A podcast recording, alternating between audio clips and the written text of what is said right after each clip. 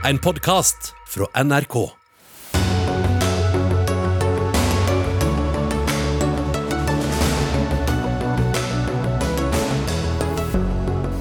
Høyrevinden tiltar i styrke. Tre borgerlige partier har nå flertall på Stortinget dersom det hadde vært valg.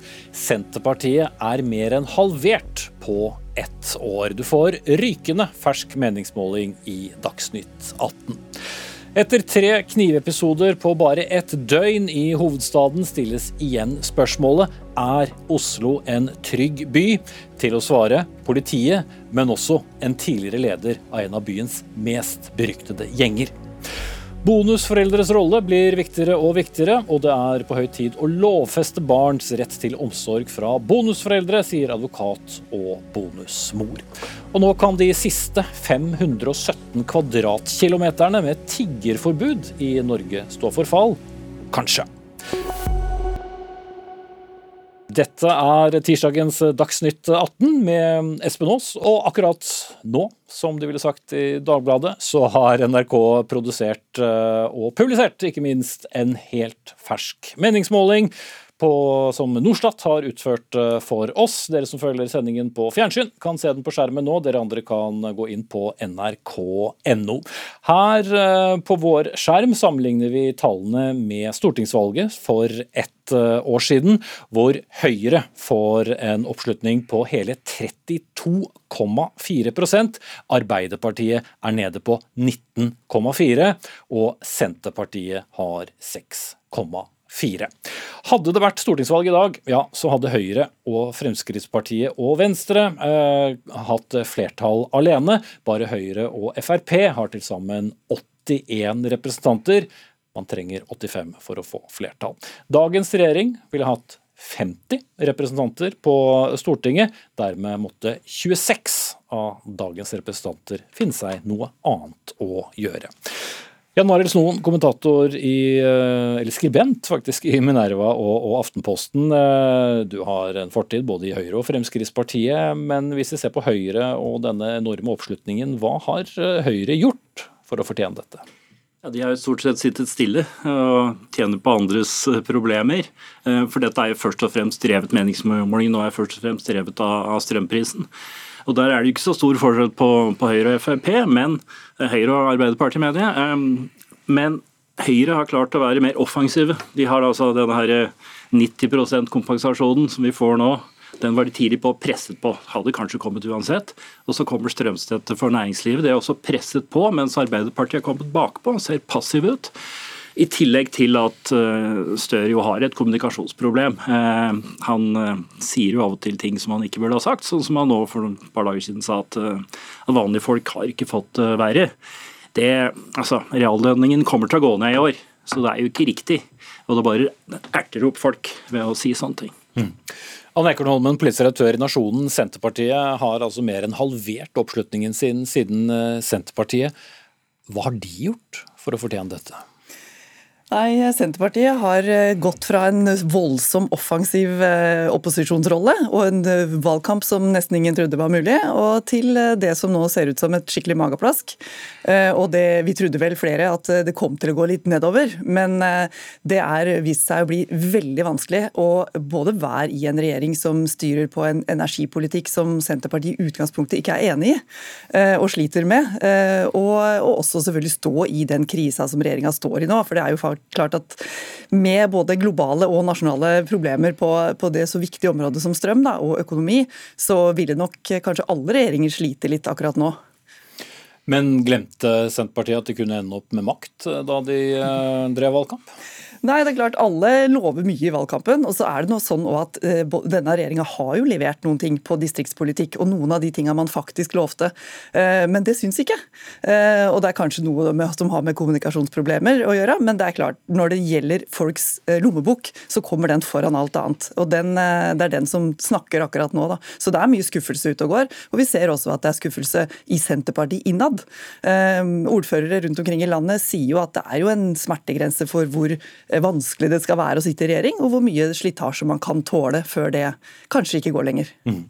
Lars Nehru Sand, politisk kommentator her i NRK, at eh, det finnes regjeringsslitasje, vet vi, og at det skulle bli noen skrubbsår i løpet av et år, var vel også å forvente. Men her er det jo store kjøttsår, hvis vi skal fortsette denne noe makabre billedbruken min, når man ser eh, på, på oppslutningen.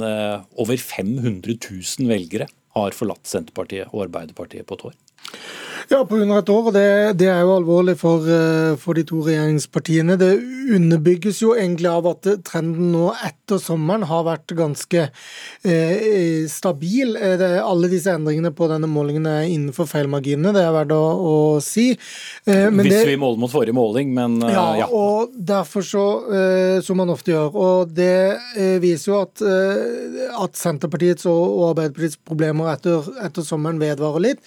Og at trenden med at velgerne nå både setter seg til gjerdet, men i økende grad også direkte går til Høyre og Fremskrittspartiet, eh, at det er den store utfordringen. Og i det så ligger det også eh, denne styringsduellen mellom Arbeiderpartiet og Høyre, som blir ekstra interessant når Høyre, som noen sier, uten å egentlig gjøre så spesielt mye, eller å avvike veldig fra eh, Arbeiderpartiet, eller ha det noe enklere med Fremskrittspartiet enn det Arbeiderpartiet har med Senterpartiet, så viser det at når man i problematiske tider, og når dette merkes på lommeboka, som økonomen er inne på, eh, så er det ekstra krevende å være den som har ansvaret, og som sitter med all søkelyset på seg, mens det er mye enklere og mer behagelig å være i opposisjon. Så hadde det faktisk vært slik at eh, Høyre hadde sittet med ansvar eh, snoen, så er det ikke sikkert det hadde vært like gøy å oppleve meningsmålinger? Absolutt ikke, fordi dette ser vi i hele Europa, at de som sitter med regjering går tilbake. Men ikke så mye som i Norge. Jeg så litt på det i dag. Det er ingen regjeringskonstellasjon som har gått så mye tilbake som i Norge. Men jeg tror en annen grunn til at, at Høyre nå kan hale inn velgere igjen, er at uh, forrige krisen, uh, covid, ble håndtert Jeg tror de fleste i Norge syns at den ble håndtert OK. Men så hadde det gått åtte år, og det var, det var på tide med noe nytt. Nå må vi prøve noe nytt. Men, men, nå kommer dette, jeg tror Høyre nå har en fordel av dette nå. At de har da framstår som et si, mer kompetent styringsparti. og de, de slåss jo med Arbeiderpartiet om akkurat det. Og at de nå kan hale inn igjen, og særlig da altså Senterparti-velgere, men også velgere fra Arbeiderpartiet, eh, pga. dette eh, med, med styring. Hadde de vært i opposisjon, hadde de vært i posisjon, så hadde de hatt problemer. Jeg tror ikke det hadde falt riktig så mye, kanskje, men det vet vi jo ikke. Mm. Anne Ekornholmen, Det er jo ikke akkurat sånn at eh, Arbeiderpartiet og Senterpartiet sitter tafatte eh, og ser på hva som skjer. De er i kriseberedskap, men eh, det er ikke så mange klapp på, på skulderen å se. Nei. Heller ikke fra, fra, egne partifeller, eh, som vi ser. Nei, også for det første så er det jo en opposisjon på begge sider i Stortinget. Det er både på høyresida og på Rødt og SV-sida, eh, så den presses jo fra begge kanter. Eh, og så er det jo sånn at regjeringa av en eller annen grunn da, ikke har fått noe særlig igjen for det at man faktisk ganske tidlig ute med en strømstøtte som, som jo begynte, eller som tok tak i krisa ganske fort, men, men, og som nå har blitt ytterligere støtta støtta og, og utvida. Men det har man ikke fått noe særlig igjen for. For da kommer bare noen som, da krever man mer. ikke sant? Og så kommer rentehevingene på toppen, og så kommer matprisene, og så ser man drivstoffpriser. Så, og alle de tinga her er Det er lett å glemme at det er mange nordmenn som tjener 300 000, og som faktisk merker dette her veldig godt. Eh, og da, blir det, da henger det jo litt ved regjeringa at eh, Vedum sa at nå skal folk få eh, bedre kjøpekraft. Og der kommer jo skuffelsen inn. Mm og som han vel trakk seg litt på sist han var her i, studio også. Eh, Lars Nehru Sand, til sammen har jo Høyre og Arbeiderpartiet flertall på denne målingen, uten at eh, det er noe naturlig som eh, skulle tilsi noe som helst. Men det er altså to partier som har mer eller mindre helt lik europapolitikk og mer eller mindre helt lik strøm- og energipolitikk. Hva forteller det oss om noe? Jeg syns det er et ganske morsomt poeng. Eh, all den tid vi snakker om eh, prisen for å sitte med makt akkurat nå. Eh, disse to partiene gjør sin samlet sett, da, når Høyre gjør det så bra, det er jo det som er årsaken her, så har disse to partiene samla sett større oppslutning enn de har hatt de siste tolv månedene, hvor det har vært høye strømpriser, og hvor hele krigsperioden i Ukraina f.eks. Så viser det at disse to største partiene våre Eh, samlet sett kunne hatt flertall på Stortinget, bl.a. som du sier for europapolitikken, som jo nå er en av de kanskje mer interessante tingene med norsk politikk å følge i, i lys av strømkrisen. Hvordan vi forholder oss til, til, det EU gjør, og hvordan mange også ser på eh, eh, europapolitikken som noe av det som forklarer det systemet og underliggende tingene eh, ved, ved strømpriskrisen. Men de to partiene som er, er mest eh, skal si, konservative i, det, i, sitt syn på hvordan vi skal forholde oss til Europa, de gjør det altså eh, ganske bra samlet sett. Mm.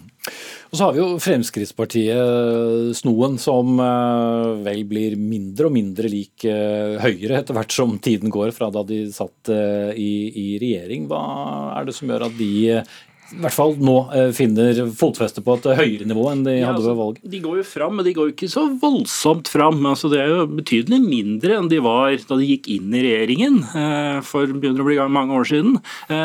Og det tror jeg er litt, altså De klarer ikke helt å utnytte denne strømpriskrisen nå. Rødt er mye friere til å gjøre det, fordi de aldri har hatt noe ansvar. Mens Frp har jo vært for både kablene og for eh, markedsprisingen av kraft.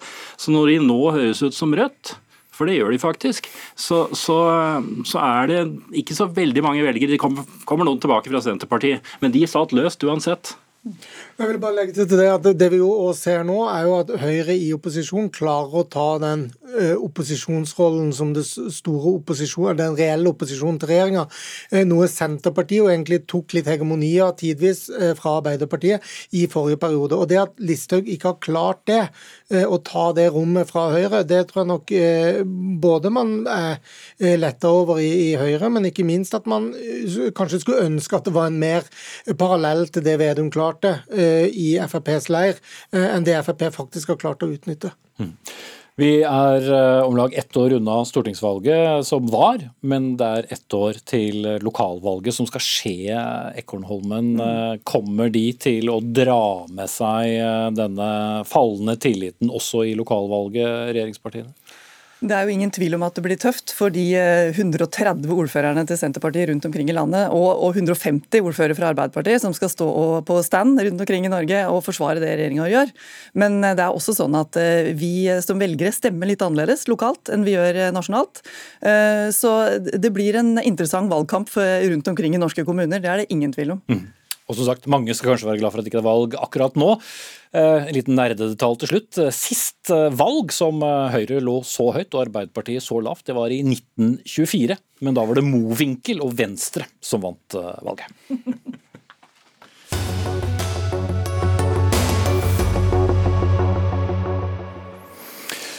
Visste du at vi har et tiggerforbud i Norge? Mange vil tenke det kan vi da umulig ha, men eh, vi har det, om enn eh, i et eh, svært begrenset omfang. Praktisk sett et område på 517 kvadratkilometer på Vestlandet, nemlig Bjørnafjorden kommune. Det er fordi Senterpartiet, Høyre og Fremskrittspartiet i 2014 stemte gjennom at kommunene selv kan si ja eller nei til tigging. og Foreløpig er det bare altså én kommune i hele landet som har dette. Men hvis dere får viljen deres i SV, Andreas Underland, der du er stortingsrepresentant, eh, så kan ingen kommuner lenger eh, ha et slikt tiggerforbud. Men hvis det er én kommune i hele landet som har det, hva er poenget med å ta opp kampen? Et tiggerforbud i seg selv er jo en menneskefiendtlig politikk. Og Siden dette tiggerforbudet ble innført, eller siden kommunene fikk muligheten til å ha lokale tiggerforbud, så har jo egentlig kommune etter kommune eh, innført det, og så fjernet det igjen. Så nå står vi kun igjen med én kommune som har det.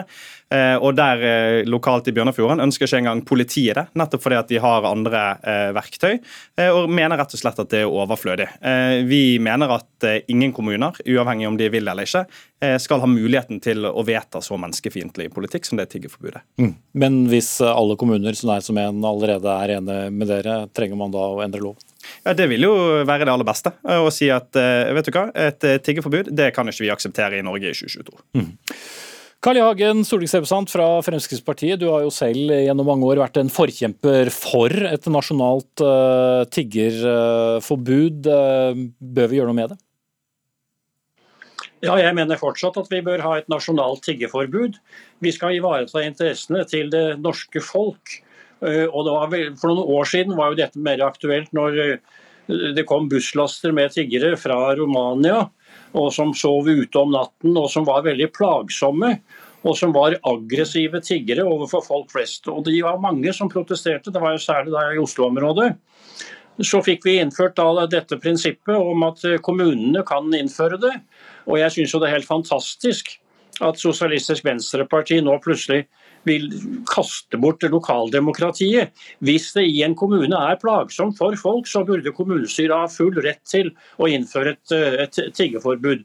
Og i Tidligere sa jo også politiet at her var det mye kriminalitet og bakmenn som sto bak. Så et nasjonalt tiggeforbud syns jeg fortsatt burde være på sin, eh, på sin plass. Okay, ja, jeg jeg syns det er helt spinnvilt å høre på at et selverklært liberalistisk eh, parti som bruker sin politiske kapital til å kjempe for lakrispiper, Segway, vannskuter, og mener det handler om frihet, ikke ser at det å være så fattig at du uh, mener at din eneste løsning er å be andre mennesker om, om penger. At det skal møtes med straff og, og politi. Uh, jeg skjønner ikke hvordan uh, det henger sammen. Og jeg syns det gir uttrykk for et menneskesyn jeg synes er, er sterkt kritikkverdig. Og En av grunnene for at vi løfter dette, er jo også fordi at Sveits ble dømt i Menneskerettighetsdomstolen for et lignende forbud. Vi skal ikke møte folk som ber om en 20-kroning til et brød med politi og straff. Vi skal møte de med hjelp. Mm. Ja, eh, Hagen, hvor, hvor stort er, er, problemet i Norge, mener du, med tigging? Det var et stort problem for noen år siden, men uh, nå er det nok noe, noe, mindre. Men det er fremdeles uh, noen få. Og, og, og, Fremskrittspartiet er også et lov og orden-parti. og Når vi fikk rapporter om meget plagsomme, aggressive tiggere overfor eldre mennesker, så er det klart at det er de norske borgere og det er de eldre vi først og fremst skal ivareta. Og Fremskrittspartiet er et lov- og orden-parti, og når dette var et problem for noen år siden, så gikk vi inn for et nasjonalt forbud. Glad for at vi fikk i hvert fall en eh, lovendring som medførte at kommunene eh, kan gjennomføre et, eh, et tiggeforbud. Men her virker jo også lokaldemokrati, for det er flere som innførte det. Så ble problemet borte, det kom ikke nye busslaster. Og så har de fjernet tiggeforbudet i en del kommuner. Så det betyr jo at dette virker. La nå folk rundt omkring selv okay. få lov til å bestemme gjennom sine kommunestyrer. Eh, Underland, altså i, i, Bjørnafjorden så er det jo et regelverk, og jeg siterer fra det, aggressiv og eller organisert tigging på offentlig stad eller fra hus til hus er uh, forbudet. Vil vi ha aggressiv tigging?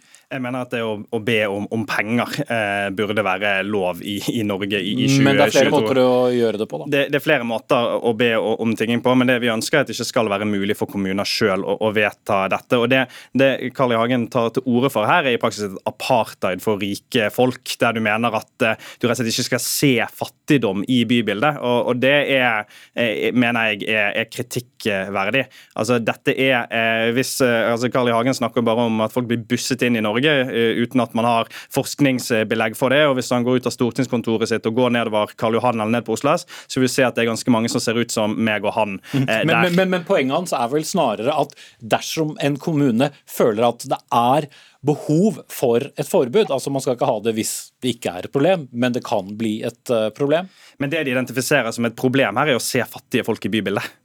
Altså Det er det man definerer som et problem. Å se mennesker som sitter med en, en, kopp foran seg eller et skilt og ber om penger. Og jeg mener at Vi som verdens rikeste land i 2022 må også akseptere at vi ser penger som ber om hjelp. Og jeg synes altså, Frp viser seg som et interesseparti for rike folk som vil ha, ha skattekutt, men aksepterer ikke å se fattige folk i samfunnet. og det okay. Ja, eh, Hagen, Ville det vært mulig å funnet andre løsninger enn at politiet måtte bruke ressurser på å håndheve et eh, forbud som vi kanskje ikke trenger? Jo, Det er sikkert mulig, men det at det er et forbud, det hindrer i hvert fall en del ifra å, å være aggressive tiggere. Og Jeg er helt enig i at det sitter en en med et lite skilt foran seg med en kopp, så er ikke det nødvendigvis noe stort problem. Men for noen år siden så hadde vi altså mange aggressive, plagsomme folk som ikke bare satt og, og ba, men de forfulgte folk på Karl Johan og maste og kjaste. Og når vi fikk ganske mange rapporter fra eldre mennesker som syntes dette var meget plagsomt. Eh, og det syns jeg vi skal ta hensyn til. Fremskrittspartiet vil jo først og fremst ta hensyn til det norske folk. Vi skal ivareta interessene til våre egne borgere. Og det var jo stort sett utlendinger som kom, og mange av de hadde bakmenn. Og, Mm. eh, Men- men skulle det være et særnorsk, det, Dette eh, var organisert kriminalitet. Det Men- var ikke bare fattige mennesker Mm. som drev med dette. Men eh, forstår jeg det da rett som at det skulle være forskjell på om det var norske eller utenlandske tiggere, eller? Nei, det skal ikke være forskjell. Men det var altså, vi fikk løst problemet med en del norske narkomane. De begynte å selge magasiner. eh, Og jeg har kjøpt mange sånne magasiner, og det har gått helt bra. En annen måte for de å samle inn penger på enn kriminalitet. Altså, Men det er helt klart, ja, vi skal ta først og fremst hensyn til norske Vi fikk en. Fafo-rapport i, i 2015 eh, som slo fast at det var ingen tegn til organiserte nettverk av bakmenn. At man har ikke forskningsbelegg eh, for det. Og Dette er et ganske ekstremt radikalt tiltak å gå til, å forby det å be om hjelp. Mm. Jeg mener at Vi skal være et så raust samfunn at vi ikke skal møte det med politi, men med hjelp. Men som politiker burde du ikke heller tenke at man kunne løse det politisk, enn å holde et eh, system eh, gående der eh, folk ender på gata og, og, og må tigge? Altså, Jeg er med i et sosialistisk parti som jobber for å utvide velferdsstaten og sørge for et samfunn der alle har, har muligheten til å lykkes og der vi tar vare på hverandre. Men det er jo ikke en motsetning mot det å si at det skal være kriminelt eh, å sitte på gaten og faktisk be eh, om penger. Begge deler går an. Veldig kort til slutt, eh, Carl I. Hagen eh, fra Spania. Ja, Det som er det rare, er jo at eh, SV her går inn for å fjerne noe fra lokaldemokratiet. Vi kan ha én ting om, om tiggeforbud eller ikke, men det å frata kommunene denne adgangen, når det attpåtil bare er én kommune som har det forbudet nå, og så skal man lage en svær debatt om dette og la et nytt forslag i Stortinget for å frata kommunene retten til selv å bestemme, noe som kanskje innbyggerne syns er viktig, det syns jeg er det rare. La nå kommunene selv få lov til å bestemme, i hvert fall. Som det er nå, men hvis dere får flertall, så kan det endres, eh, Andreas Underland. Men eh, da må Senterpartiet, som tidligere har støttet eh, tiggeforbudet, i så fall snu. Takk skal du ha, og takk til Karl Hagen, stortingsrepresentant fra Fremskrittspartiet, med oss fra Spania.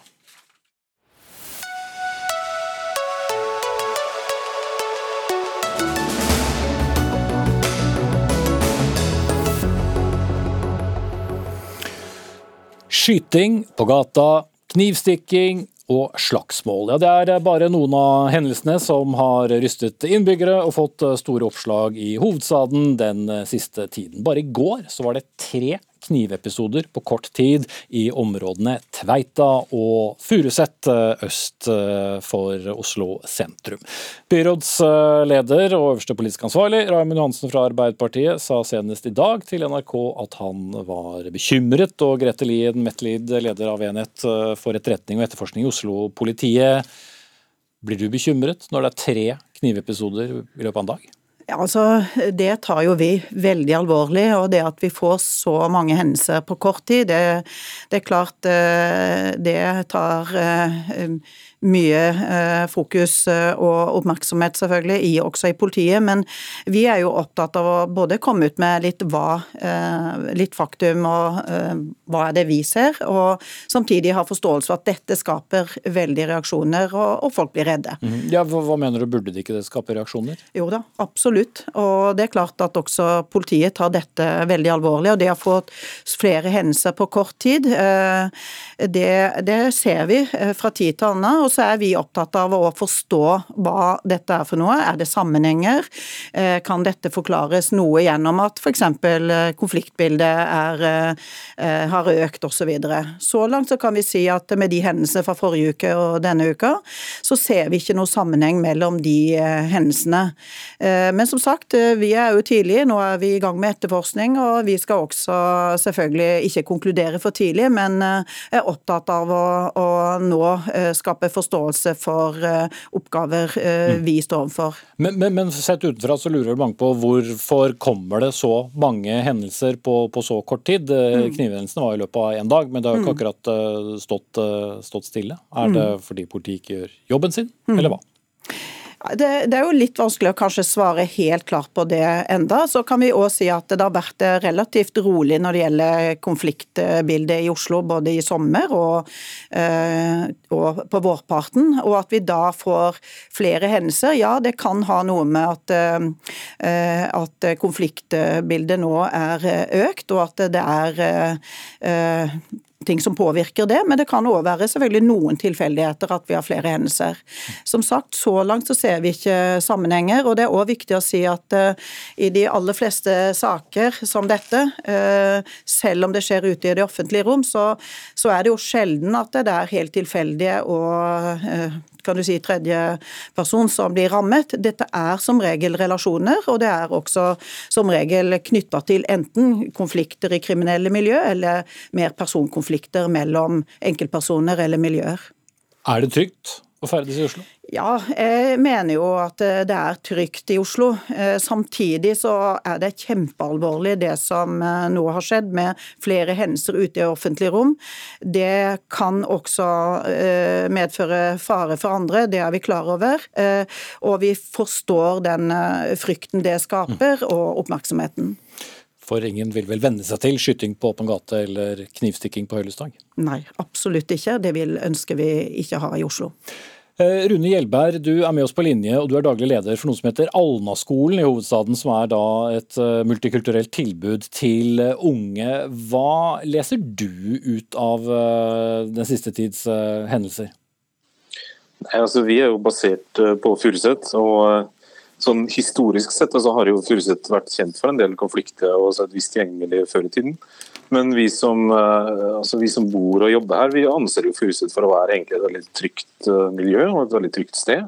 Eh, og Når sånne ting skjer, så er det jo klart at befolkninga blir, blir redde. Altså Særlig i en sånn situasjon som i går, da, altså, som altså politiet er inne på her. altså Det er ofte interne konflikter. og det, det, er ikke noe som kanskje befolkninga i gata egentlig bør være redde for, men man blir jo det når det kommer folk ut fra T-banen som har blitt uh, altså stukket flere ganger og ligger på Trygve Lies plass utover Furuset senter her og, på, og blør i hjel. Og det er barnefamilier der som ser det, det er ungdom, det er voksne som mm. ferdes i nærområdet. Så, så, noe må gjøres. og vi ser jo det at altså, ja, La, la, la meg bare stoppe deg kort der, Hjelberg. Noe må, noe må gjøres, sier du. Men ser du noen endringer da i de ungdommene som dere har kontakt med i det daglige? Ja, altså vi, vi har jo base på Furuset forum. Vi har åpent 360 dager i året fra halv syv om morgenen til elleve på kvelden. og Vi har uh, mye folk her og mye ungdom vi har kontakt med. Og Vi ser jo det i ungdomsmiljøene at de blir yngre og yngre. De som altså, tyr til våpen, de som har konflikter. Og, og Det er en skremmende utvikling. det er det. Så Vi, vi etterlyser jo litt, kanskje litt mer synlig politi, også andre enn bare forebyggende enhet ute i bydelene, da, som har litt mer kontroller og kan, kan avdekke altså knive på ungdom osv. Det er jo sånne ting man ikke skal gå rundt med. Mm. Noen skal jo det selvfølgelig, men at ungdom, så ung ungdom som det her går rundt med kniv og er villig til å bruke, det er kjempebekymringsfullt. Men, men flere kontroll av ungdommer, eh, hva slags forhold har de ungdommene du kjenner til, til politiet, hvis det skulle da bli eh, ja, plutselige ransakinger på, på gaten? Nei, altså Vi har snakka med ungdom i dag som har blitt knivstukket tidligere, og som har vært i sånne miljø. Og De etterlyser nettopp det, for de har vært gjennom det her. De vet hvor farlig det kan være, og hvor alvorlig det er å bli knivstukket og nesten drept. Eh, så de ønsker det, og flere ungdomsarbeidere tar til orde for det samme. Men jeg vet at det er et betent tema, og det er et vanskelig tema. Skal man da visitere noen, skal man visitere alle, skal man visitere enkelte områder? Det er kjempevanskelig. Men kanskje politiposter er løsninga, altså mer synlig politi? Vi, vi, kan sånn. stille spørsmålet til uh, Metlid, fordi vi vet jo at uh, mange mm. ungdommer uh, i mange av hovedstadens bydeler har ikke noe godt forhold til, til, politiet. Hvordan tror du at det ville virke inn dersom dere skulle stoppe flere og, og sjekke om de hadde stikkvåpen? Jeg tror det er også veldig viktig poeng her å si at de aller fleste ungdommer og unge voksne går jo verken med kniv eller skytevåpen. Eh, så eh, er det slik at eh, vi vet at en del er unge sårbare, som raskt også kanskje trekkes inn i kriminalitet, og også går med kniv på seg, eksempelvis. Og det er nettopp det å jobbe mer målretta inn mot disse, men sammen med men. Men økte ransakinger, er det en god idé? Jeg tror vi skal være kloke i hvordan vi går fram på, på, akkurat det. Vi gjør det. Da tenker jeg det er viktig nettopp å ha god kunnskap. Jobbe for å ta ut eh, våpen i eh, kriminelle miljøer og enkelte, eh, fra enkeltpersoner. Men samtidig så tror jeg det er viktig at politiet også jobber sammen med andre aktører. Bydeler, kommunen, alle frivillige. Jeg vet ikke om det var et ja eller nei ja, til flere ransakinger? Nei, jeg tror det er viktig at vi jobber målretta, og også dette med å ta ut våpen men det er en prioritert oppgave sammen med en del andre tydelige politioppgaver. Men politiet skal også bygge tillit i det daglige eh, også ut mot ungdom og de som bor i bydelene våre. Så det er en balansegang der. Det er en balansegang. Gulam eh, Abbas, du har sittet og hørt på dette. Du er tidligere leder av den beryktede kriminelle B-gjengen som herjet i hovedstaden på 2000-tallet, og har også dom for både hvitvasking og mafiavirksomhet, men jobber i dag som miljøarbeider i Oslo kommune. Helt tilfeldig var du på Furuset i går, der hvor altså det var disse tre, tre knivstikkingene, hvor du skulle snakke om din, din nye bok, eh, som nettopp er, er eh, kommet eh, ut. Og så, mm, hvordan opplevde du eh, det, som, det som skjedde i den delen av byen? Nei, det var sterke opplevelser. Det var veldig forferdelig at det skulle skje akkurat da. Men det er jo ikke noe man kan forutsi. Så jeg kjente jo litt på kroppen for at man begynte å tenke litt tilbake hvordan man havner liksom litt tilbake i sin fortid. Så det er veldig trist å se at sånt skjer. Men du har jo hørt litt på, på, på Hjelberg, som har sine tanker om, om hvordan bl.a. politiet bør eh, handle overfor eh, gjenger som eh, med, med din egen fortid. eh, Hva ser du som en løsning? Nei, det er vanskelig å si hvordan, skal, hvordan, vi skal få til en løsning, men jeg tenker at vi må tenke litt sammen. Jeg tenker at vi må stå litt sammen, at eh, vi finner løsninger sammen. Men at uh, loven er det jo politiet som kjenner best og kan best, så, så der må kanskje de uh, fortelle hvordan man skal gjøre det. Mm. Men, men, men, du har jo selv tilhørt et miljø som vel følte seg på utsiden av de fleste sider, for å si det sånn. Og, og hvis man da på toppen av dette utenforskapet eh, til stadighet f.eks. skulle bli eh, ransaket, eh, ikke til stadighet, men i hvert fall bli ransaket, hva slags reaksjoner kan det skape? Vi snakker om en viss form for balansegang fra, fra politiets side her også. Ja, for jeg tenker at det er viktig med en god balanse her. For at på min tid så følte man jo på som om man var at det var deg de var ute etter. Og da ble det oppfattet som rasisme. Så det slo jo litt feil ut. Mens i dag er kanskje rasisme ikke like mye Det er ikke like mye rasisme, så man kan i hvert fall se litt bort ifra det. Men de vil jo føle at eh, de blir tatt mer hardt i enn andre. Så jeg tenker det er viktig at man finner en sunn balanse, da. Mm. Men at det er noe som må til når det gjelder eh, i hvert fall eh, tilgjengeligheten. Altså at kniver skal være så lett tilgjengelig. Det må man faktisk det, Altså, det har gått for lang tid. Det er ikke første gang det skjer en knivepisode nå. Nei. Eh, Gjelberg, eh, du hører eh, på samtalen her via, via linje der du er. Abbas nevnte jo litt med, med, med tidligere tider og, og, rasisme. I hvor stor grad spiller etnisitet inn i konfliktnivåene? Nei, det, det, tror jeg spiller en veldig liten rolle. sånn, sånn sett. Det her er interne altså konflikter mellom grupperinger som, som ikke tenker på etnisitet på den måten. Men jeg tenker det, det, er viktig det som politiet sier, og det er viktig det som Abba sier, å finne en fin balansegang på ting. og Det er jo viktig at folk ikke føler seg stigmatisert. Men jeg tenker at det aller aller viktigste det er å få kniver og våpen bort fra gata og bort fra ungdom. Eh, og jeg tenker at Alle som er opptatt av trygghet i sitt nærmiljø, vil jo synes det er helt helt ålreit om det er litt altså mer kontroll. Og Det er jo stor forskjell på ransakelse og visitasjon òg. Mm. Altså, ta en sjekk om folk eh, har noe metall på seg osv. Det er mange måter å gjøre det her på som kan, kan gjøre sånn at det ikke blir, føles så stigmatiserende. Da. Altså, det er jo ikke det kommer fra at det er enkelte områder i Oslo som er mer utsatt enn andre når det kommer til knivbruk og kriminalitet. Det er bare å se på statistikken. så så at noe må gjøres, det er jo helt klart. Mm. Tidsaspektet var vi så vidt innom her. Eh, Abbas, eh, ser du noen paralleller til din egen oppvekst og de oppgjørene og tingene som skjedde da, og det som du ser nå?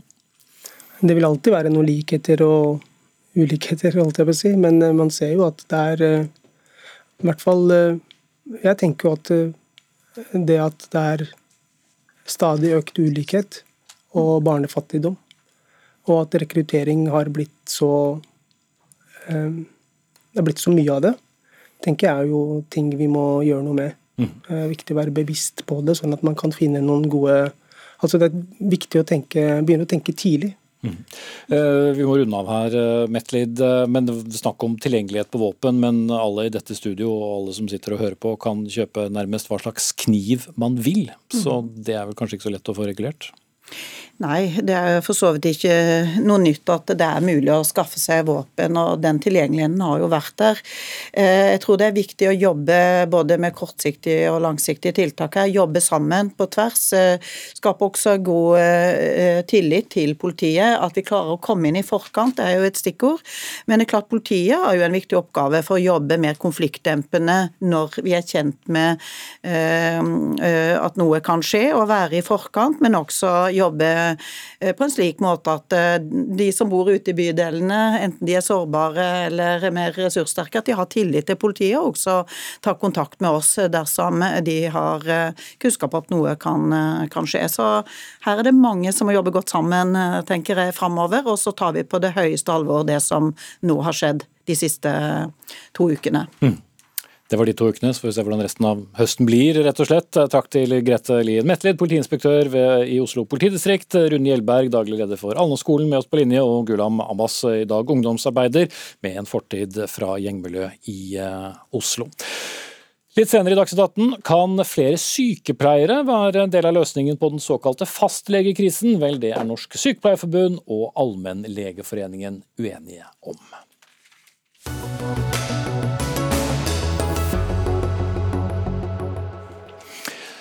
Er det slik at det er Vladimir Putin alene som har skylden for krigen i Ukraina?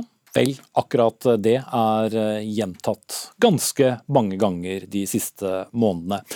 Men det er ikke alle som svarer ja på det spørsmålet, iallfall ikke hvis du får det stilt. Hans Petter Midthun, tidligere norsk forsvarsattaché i Ukraina, og nå uavhengig analytiker og non-resident fellow ved Center for Defense Strategies. Du kom akkurat tilbake fra Kyiv, og i et intervju med Dagbladet så sier du rett ut at Nato må i stor grad påta seg skylda for krigen. Hva legger du i det, hvis du kan konkretisere det?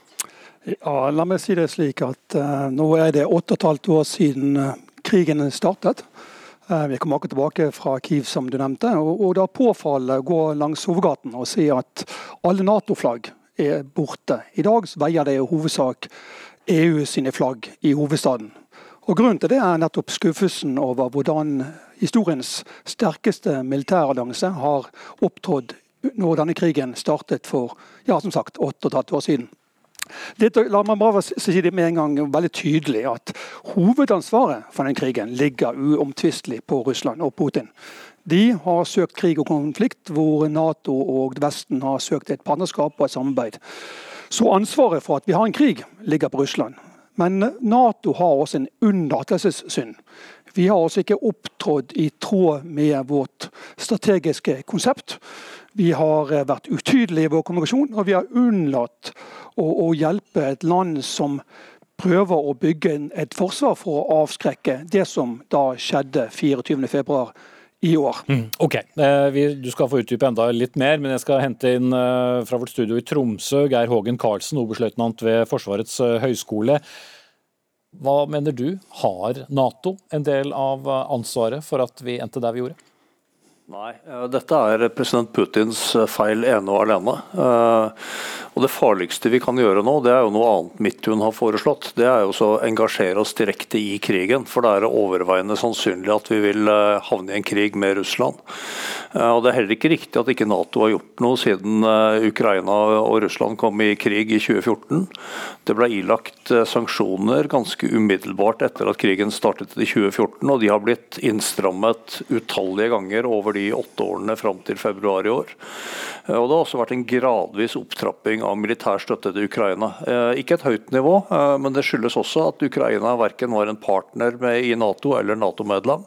Eh, så det er den måten vi har tilnærmet oss andre nasjoner andre steder tidligere. Um, og så er det veldig lett å sitte i dag og si at man skulle ha gjort noe annet. Uh, men Midthun er også herlig uklar om hva han faktisk mener Nato skulle ha gjort tidligere. Uh, og så har det vært en uh, ganske hard debatt i Nato om man gikk for fort fram, om man ga for mye militær mm. støtte til Ukraina. Ok, så, Hågen, Gi ordet til Midtun igjen, så kan du svare på, på noe av dette. Ja, Det, som eh, jeg har pekt på, og dette er ikke nytt, dette har jeg pekt på både som forsvarsstrategi og siden, eh, at dette er en, en økende trussel, og vi så foran et problem som er, eh, rammer hele Europa. Også Vårt europeiske sikkerhet er, er rammet av denne krigen. Og Det er kjernen i min argumentasjon. Nettopp at i Natos strategiske konsept frem til Madrid-summiten, også gjennom 23 siste årene, så har vi sagt at vi har tre kjerneoppgaver. Det ene er også kollektivt forsvar. Og Det har vi hørt våre statsledere si nå siden 24.2, at Ukraina er ikke Nato-medlem, og derfor ikke har rett på det kollektive forsvaret. Men det de også har unnlatt å fortelle, er at det finnes to andre kjerneoppgaver. Det ene heter også krisehåndtering. I den veldig sterkt forpliktende teksten som lå frem til eh, juni i år, så forpliktet Nato seg til å gå inn og eh, påvirke konflikter som enten var i ferd med å utvikle seg, eller som hadde oppstått, som truet eh, Nato-medlemslandenes sikkerhet. Det unnlot vi å gjøre. Og, og vi unnlot å, å, å, sende de tydelige signalene som NATO, unnskyld, Russland trengte for å avskrekke det de da gjorde for syv måneder siden. Mm.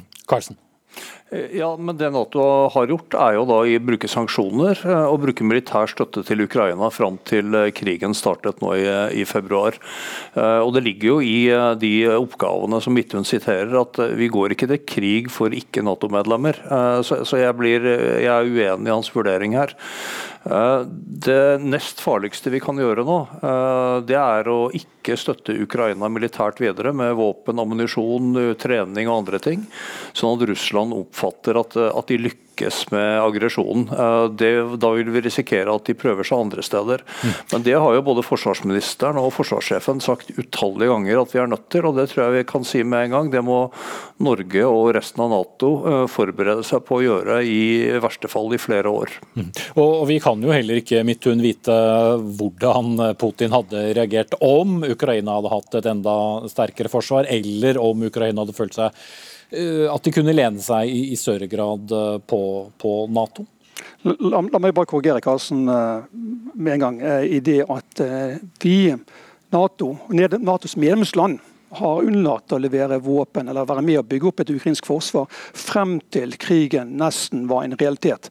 Det første eh, dødelige våpenet vi leverte, eller USA leverte, var et mindre antall Javelin eh, som leverte våren 2018, fire år etter at krigen var i realiteten. Men den egentlige våpenen den kom også i, i høsten og senhøstes eh, i, i fjor og frem til nå. Og så vil jeg også korrigere det at Sanksjonsregimet hadde vi opptrådt som vi har gjort etter 24.2 for åtte år siden så kunne utfallet vært annerledes. Men vi har innført sanksjoner, men vi eskalerte det altså ikke. Det at Russland unnlot å etterleve internasjonale samfunns krav til å trekke seg tilbake og avslutte krigen, ja, det hadde også ingen virkning på sanksjonene. De ble altså ikke eskalert. Følgelig så fulgte vi altså ikke opp ord og intensjon med handling. Mm. Okay, men, Nei, men, men, men, det er jo ingen som kunne vite hvor dette hadde gått hen, uh, Midtun. I verste fall så kunne vi fått krigen tidligere. Uh, og Du var jo for øvrig en av de som sa i, i, februar i år, like før krigen startet, at du trodde ikke krigen kom. Så dette har jo vært en veldig vanskelig politisk balansegang i Vesten. Uh, hvor mye skal vi gjøre, og hvor mye er nok, og hvor mye er for mye. Og så er det selvfølgelig veldig lett å sitte i ettertid og si at det ikke virket, men, men beslutningen om hva som fungerer eller ikke fungerer, ligger jo til syvende og sist hos president Putin som har valgt å gå til angrep. Okay. Uh, da, da, tror jeg vi er tilbake der vi, vi startet. Geir Hågen Karlsen, oberstløytnant ved Forsvarets eh, høgskole, med oss fra Tromsø og med oss fra Bergen. Hans Petter Midthun, tidligere norsk forsvarsattaché i Ukraina.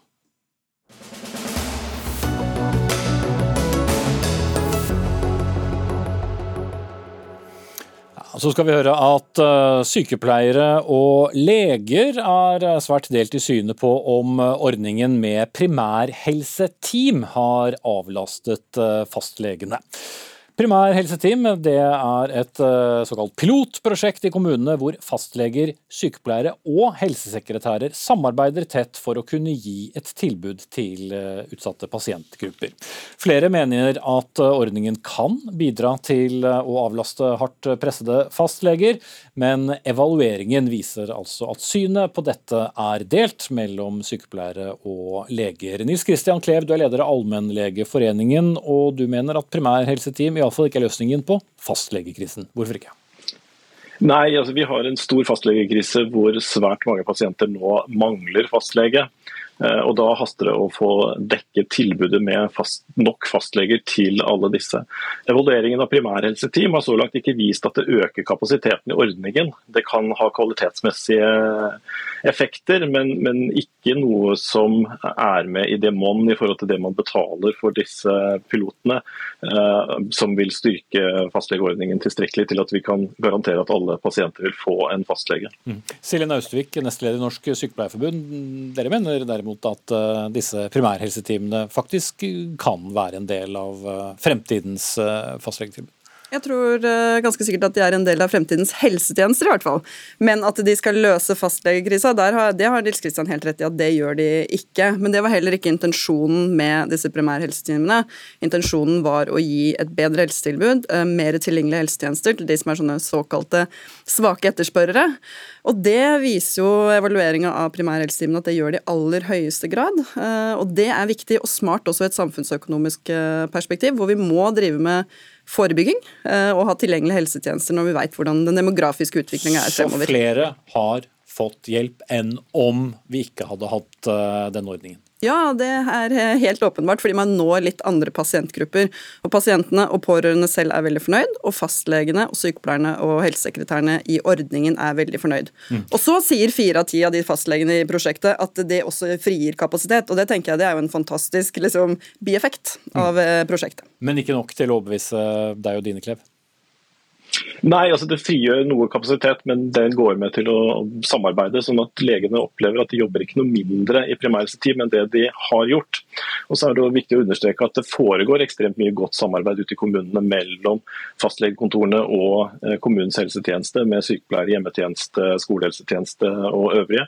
Sånn at dette er ikke en ny måte å tenke på. Eh, når vi sammenligner her, så må vi også være klar over at disse pilotkontorene har fått tilført en betraktelig eh, økt økonomi i forhold til de ordinære fastlegekontorene. sånn at Man kan ikke se på dette uten å tenke på økonomien. og Etter vårt syn så burde man også i en sånn type utprøving tenkt på andre alternativer, for å se om kanskje ikke disse pengene kunne kommet pasientene i enda større grad til gode hvis man hadde valgt annen innretning enn nettopp akkurat denne primærhelseteampiloten.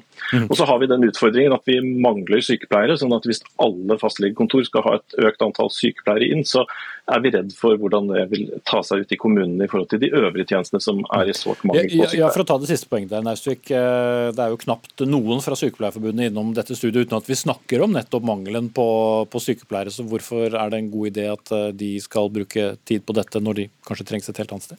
Jo, for det er viktig at sykepleierne bruker kompetansen på riktig sted. Akkurat på samme måten som det er viktig at legene bruker kompetansen sin riktig. Og jeg, tenker at uh, vi må se på hele tjenesten. Vi må se på fastlegene, vi må se på helse- og omsorgstjenesten og spesialisthelsetjenesten, og hvordan vi samarbeider. Og nå er oppgavedeling det er en del av løsningen for fremtida. Og Sykepleierne har eh, mye kompetanse og er vant med å jobbe i team med legene. Det gjør vi med stor suksess både i kommunen og i sykehusene til vanlig. Og jeg tenker at Dette er et steg for veien for å få bedre koordinerte helsetjenester. Mm. At man tar over oppgaver fra legene? Eh, nei, det er ikke å ta over oppgaver fra legene, det er å jobbe med sykepleie på fastlegekontorene. Og det viser seg å være ganske suksessfullt også for pasientene, og legene er òg veldig fornøyd med det. Og så gjør det en annen viktig ting, og det er at det blir et mye bedre samarbeid opp mot de kommunale helse- og omsorgstjenestene. Og der er det mange pasienter som ikke går til fastlegen som man da kan klare å identifisere, og som får bedre helsehjelp. Og Det er i et samfunnsøkonomisk perspektiv mye smartere. og Derfor må vi faktisk tåle noen ganger at det koster litt mer penger, fordi du får et bedre outcome i andre enden. Mm. Mange måter å regne på, Klev? Ja, absolutt. og Vi er også opptatt av at det skal være gode kvalitetsmessige tjenester til hele befolkningen. At de skal være tilgjengelige. og Da må vi i hvert fall sørge for at vi har nok fastleger. Og så vil vi selvfølgelig også være med på å utvikle denne ordningen og se på hvordan vi kan innrette dette bedre. Få til samhandling internt i kommunen og opp mot spesialisthelsetjenesten på et bedre nivå. Men eh, alt i alt, når vi har de knappe ressursene vi har, så mener vi at vi først må stabilisere og sikre alle innbyggere en fastlege, før vi kan gå videre med å utvikle ordningen. Mm. Ok, Da setter jeg et uh, foreløpig punktum der. Vi kommer nok til å snakke om alle disse tingene på nytt. Silje Naustvik, nestleder i Norsk Sykepleierforbund, og Nils Kristian Klev, leder av Allmennlegeforeningen.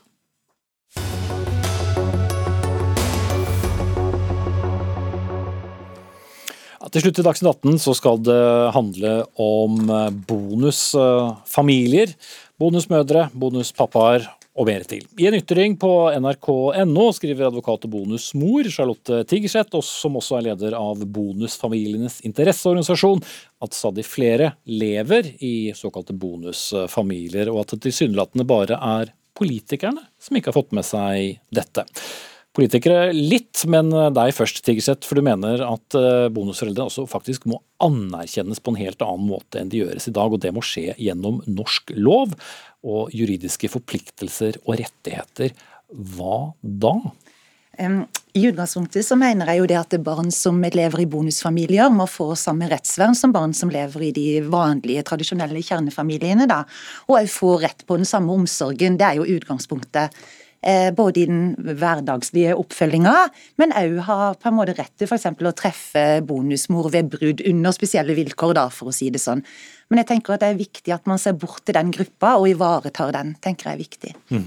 Men, men, for å være enda mer konkret, da, for de som ikke er så inne i det. Hva er det en, en bonusmor eller en bonusfar ikke uh, har i dag, som du mener at uh, den personen skal få, og som da åpenbart også handler om, uh, om barna? Ja, så, sånn Juridisk da, så tenker jeg en plikt til å følge opp barnet i hverdagen. Bidra der det er nødvendig, for det første. Jeg tenker òg at i forhold til innsyn f.eks. i dokumenter som gjelder barnet, følge det opp med helse. Sånne ting i hverdagen tenker jeg er viktig for å kunne bidra på en god måte da, i forhold til den daglige omsorgen. For vi fremstår jo som foreldre da, uten at vi er det. Men for barnet, for det er jo det det gjelder, så tenker jeg at de skjønner ikke helt for, eh, forskjellen. De forventer at vi gjør på en måte det samme som en biologisk foreldre. Og det er det jeg tenker blir skeivt. Mm. Er det skeivt, barne- og familieminister Kjersti Toppe fra Senterpartiet? Det er jo en uh, veldig uh, viktig eller interessant debatt, for at det er mange familier som, uh, som ja, der det er bonusfamilier og bonusbarn osv. Spørsmålet er jo om vi trenger å lovregulere dette her bedre for å ivareta barns beste osv. Ja, hva syns du?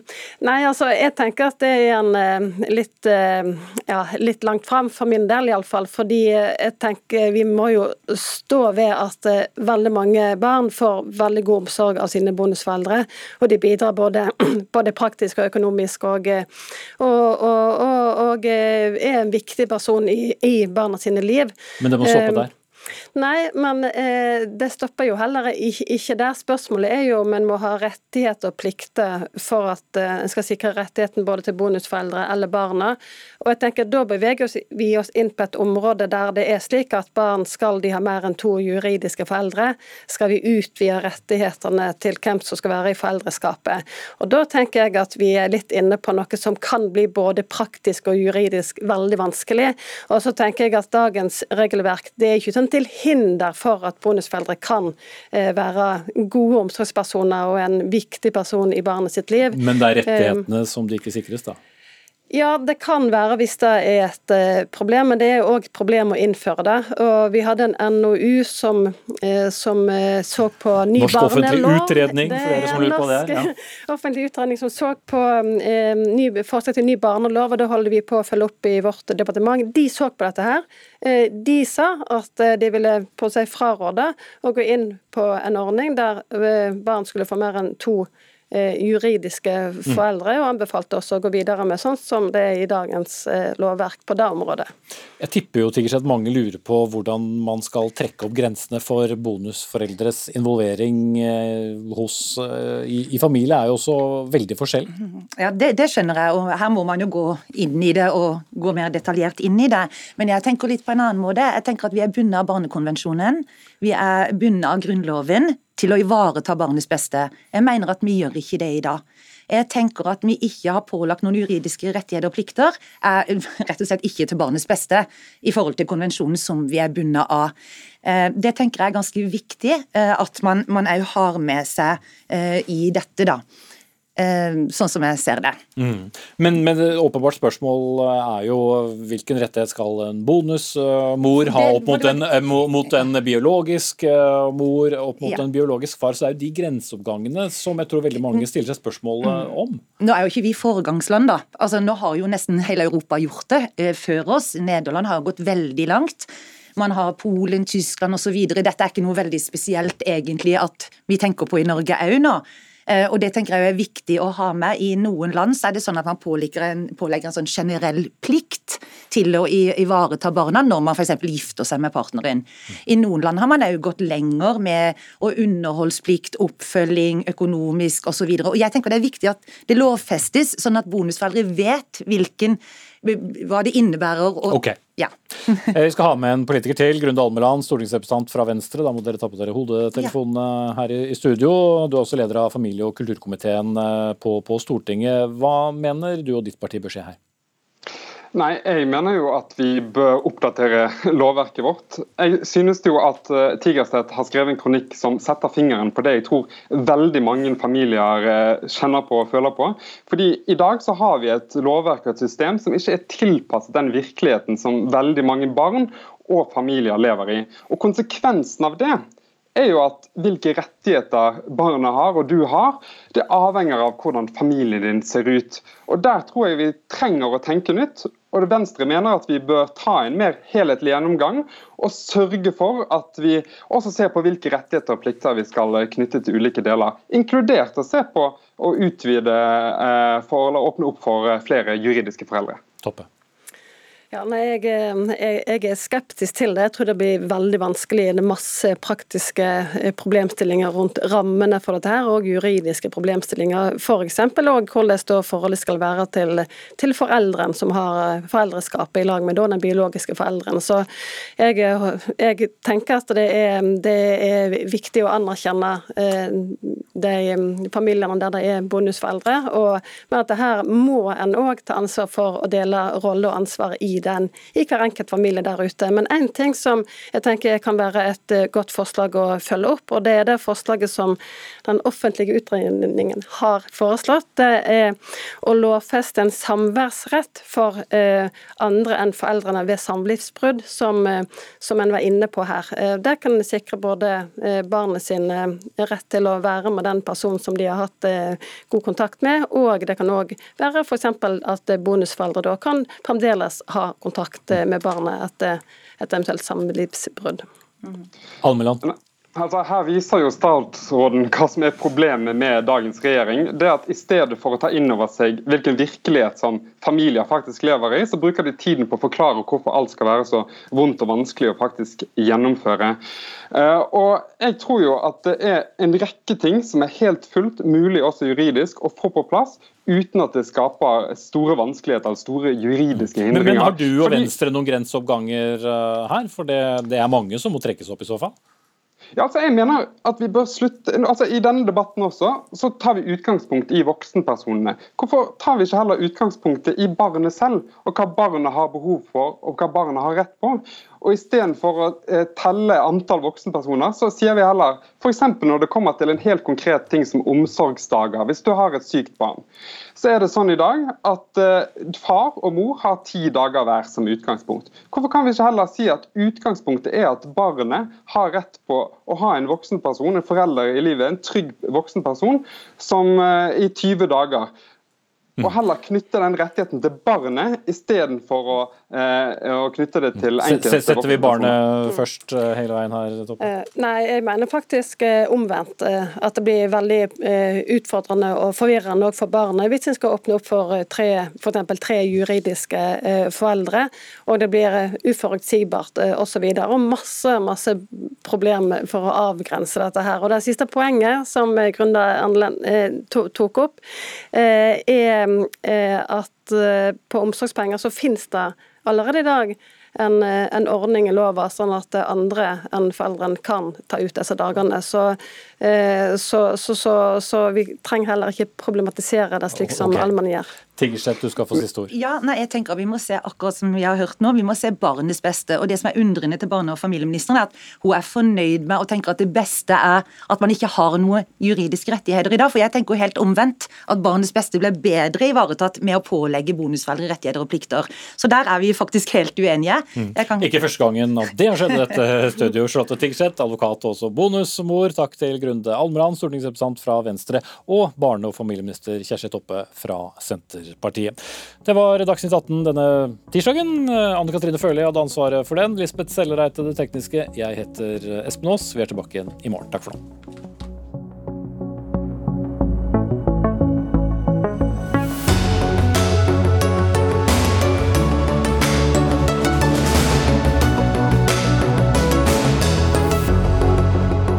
Du har hørt en podkast fra NRK. Hør flere podkaster og din favorittkanal i appen NRK Radio.